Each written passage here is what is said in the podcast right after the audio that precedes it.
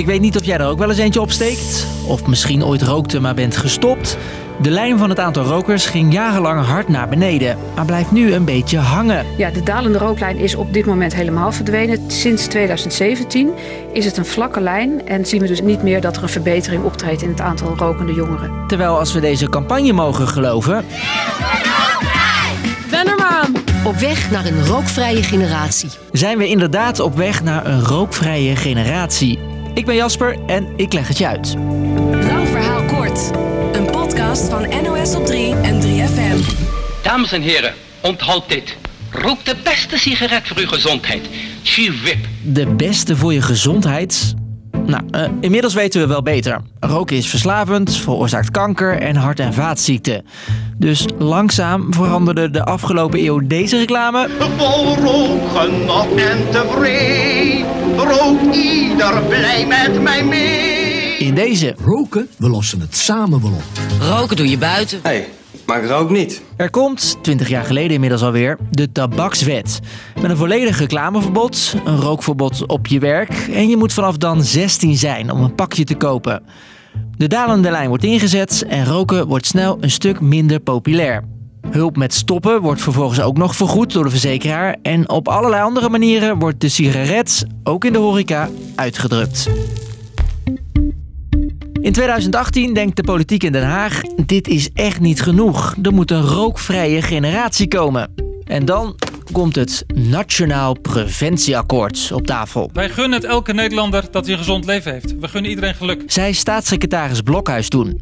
Dat akkoord zit vol met plannen om ons gezonder en gelukkiger te maken. Door minder te drinken, beter te eten en dus ook te stoppen met roken. Wij streven naar een rookvrije generatie in 2040. Wij willen een samenleving waarin jongeren niet meer beginnen met roken. Maar hoe dan? Nou, bijvoorbeeld door een pakje peuken veel duurder te maken. Tot wel 40 euro in 2040. Ja, ik kan wel gewoon voor zorgen dat ik eh, minder ga roken. Kijk, mensen kunnen ook wel echt een beetje voor zichzelf zorgen. En we weten dat het slecht is en zo. En we worden wel heel erg opgevoed door de overheid tegenwoordig. En daar heb ik mijn ouders voor. En ook niet meer roken bij sportclubs of scholen. En je moet ze op minder plekken kunnen kopen. Dus dat je ze niet meer ziet liggen bij de Appie of Lidl als je binnenkomt.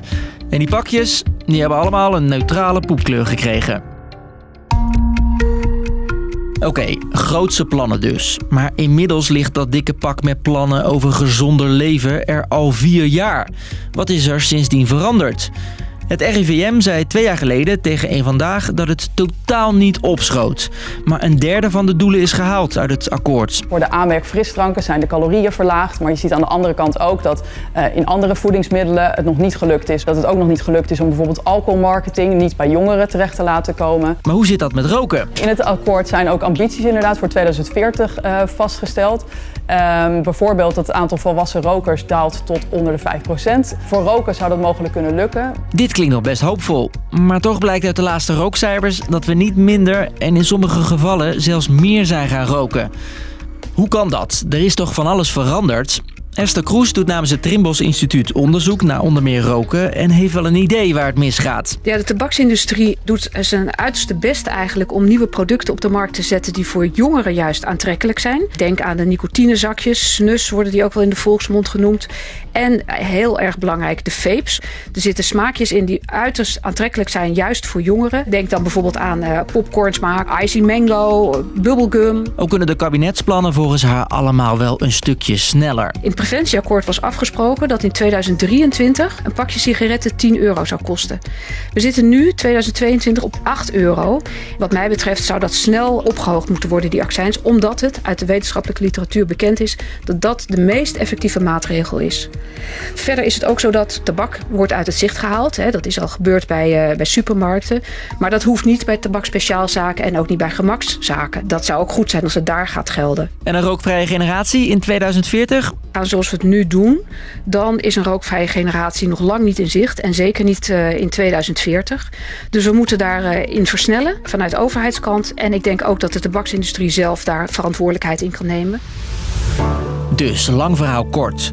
De overheid heeft al jaren allerlei plannen om ervoor te zorgen dat er in 2040 bijna niemand meer rookt.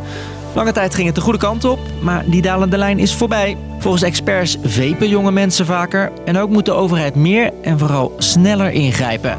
Anders klinkt die rookvrije generatie straks zo.